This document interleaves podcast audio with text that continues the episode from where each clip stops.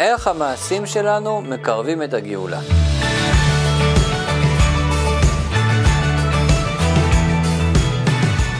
אנחנו כבר יודעים שכל מעשה קטן שאנחנו עושים מקרב את הגאולה.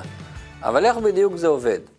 בואו נראה מה האדמו"ר הזקן מסביר בספר התניא. האדמו"ר הזקן מסביר קודם כל שזה שהעולם נקרא עולם, זה בא לרמז לנו שהעולם מעלים על האמת האלוקית, לא סתם זה אותם אותיות. הבורא בכוונה ברא את העולם באופן כזה, שהעולם מעלים על האמת, כדי שלנו תהיה כאן עבודה, אחרת לא הייתה עבודה. אם לא היה הלם, והיינו רואים מול העיניים שיש בורא לעולם, אם בורא עולם לא היה מסתתר מאיתנו, והיינו רואים איך הכל בא ממנו, אז אף אחד לא הולך אחרי האגו שלו. אף אחד לא הולך אחרי הנפש הבעמית. כולנו היינו הולכים אחרי הנפש האלוקית בלבד. בעצם היינו נשארים בלי זכות בחירה. כולנו היינו עושים רק את הרצון העליון בלי שום פקפוק. מספרים שפעם המגיד ממזריץ', רבו של בעל התניא, ראה ילד בוכה. הוא שאל אותו למה אתה בוכה? והילד ענה שהוא שיחק מחבואים עם החברים שלו, הוא התחבא, והם השאירו אותו פה והלכו, ואף אחד לא טרח לחפש אותו. אמר לו המגיד, זה בסדר, גם לקדוש ברוך הוא יש תלונה דומה. הוא גם אומר שהוא התחבא לנו, ואנחנו הפסקנו לחפש אותו. הקדוש ברוך הוא מתחבא מאיתנו, כי דווקא כשיש כזה הלם, יש לנו אתגר, יש לנו קושי, יש לנו בחירה. האם ללכת אחרי האמונה והידיעה שיש לעולם בורא, ויש תוכנית ומטרה, או ללכת אחרי ההרגשה הטבעית של הנפש הבעמית, שהעולם הוא מקרי, סתמי, וצריך לפחות ליהנות כמה שיותר. הגאולה זה המצב שבו לא יהיה עוד העלם והסתר, כמו שהנביאים אומרים, עין בעין יראו, והיו עיניך רואות את מוריך, וראו כל בשר יחדיו, ועוד נבואות דומות על הגאולה. אבל כדי להגיע למצב הזה, שבו לא יהיה עוד העלם, צריכים אותנו. הקדוש ברוך הוא זיכה אותנו שנהיה שותפים לתהליך של הבאת הגאולה. הוא נתן בידינו את הדרך, את המפתחות, הוא נתן לנו הוראות מפורטות איך להביא את הגאולה. מה הכוונה? אז בעל התנא כדרכו מסביר כל דבר.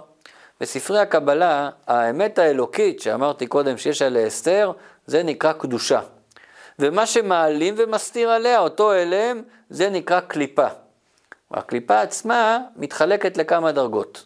הדרגות התחתונות של הקליפה הן נקראות שלוש הקליפות הטמעות, והן נותנות חיות, אנרגיה, לכל הדברים שהם אסורים על פי תורה.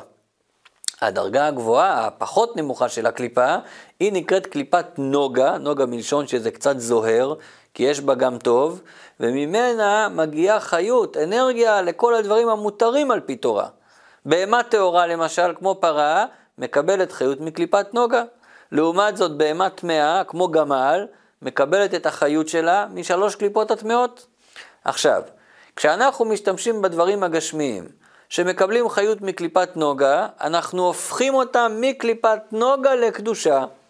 למשל, לוקחים אור של בהמה ועושים ממנו קלף לספר תורה ולתפילין, הופכים את קליפת נוגה שזה היה עד עכשיו, ועכשיו זה חלק מהקדושה. רק בקליפת נוגה זה אפשרי. אם היינו לוקחים קלף של בהמה טמאה, אור של בהמה טמאה, כמו גמל או חמור, לעשות ממנו קלף, אז כיוון שהחיות שלהם היא משלוש קליפות הטמאות, אז במקום לגלות כאן קדושה, היינו מחזקים את הקליפות הטמאות.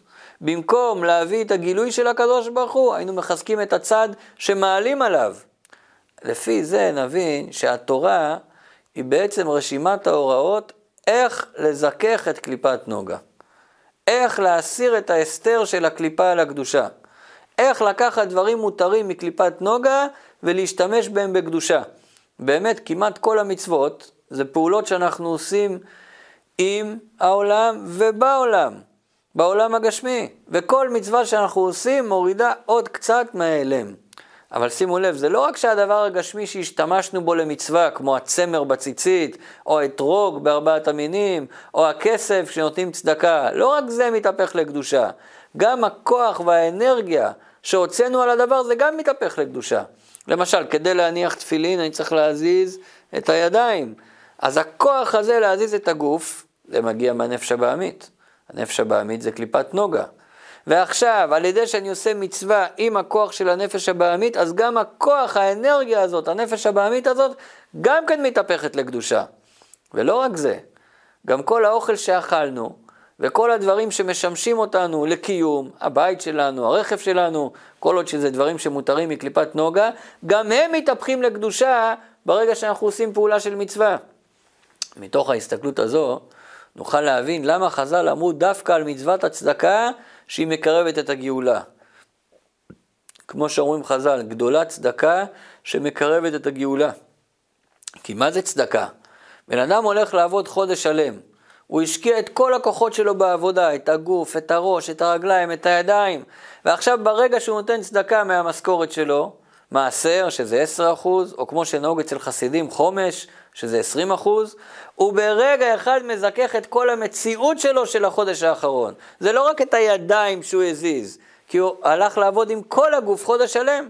אגב, גם אם הוא נותן צדקה מתוך כסף שקיבל לא בעד עבודה, למשל אם קיבל ירושה או זכה בפרס, גם אז הצדקה שנותן מזככת את כולו. למה?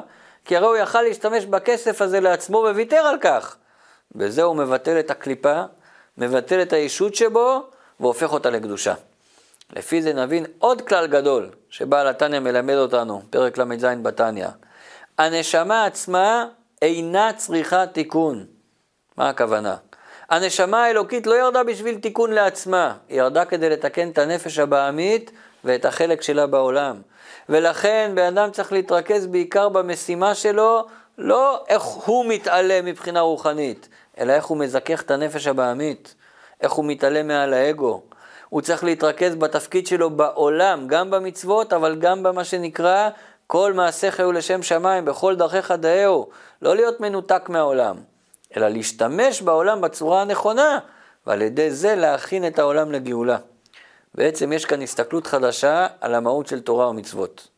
אנחנו לא מקיימים את המצוות רק כדי לזכות לשכר בעולם הבא. יש תכלית הרבה יותר גדולה מזה. אנחנו לא התכלית.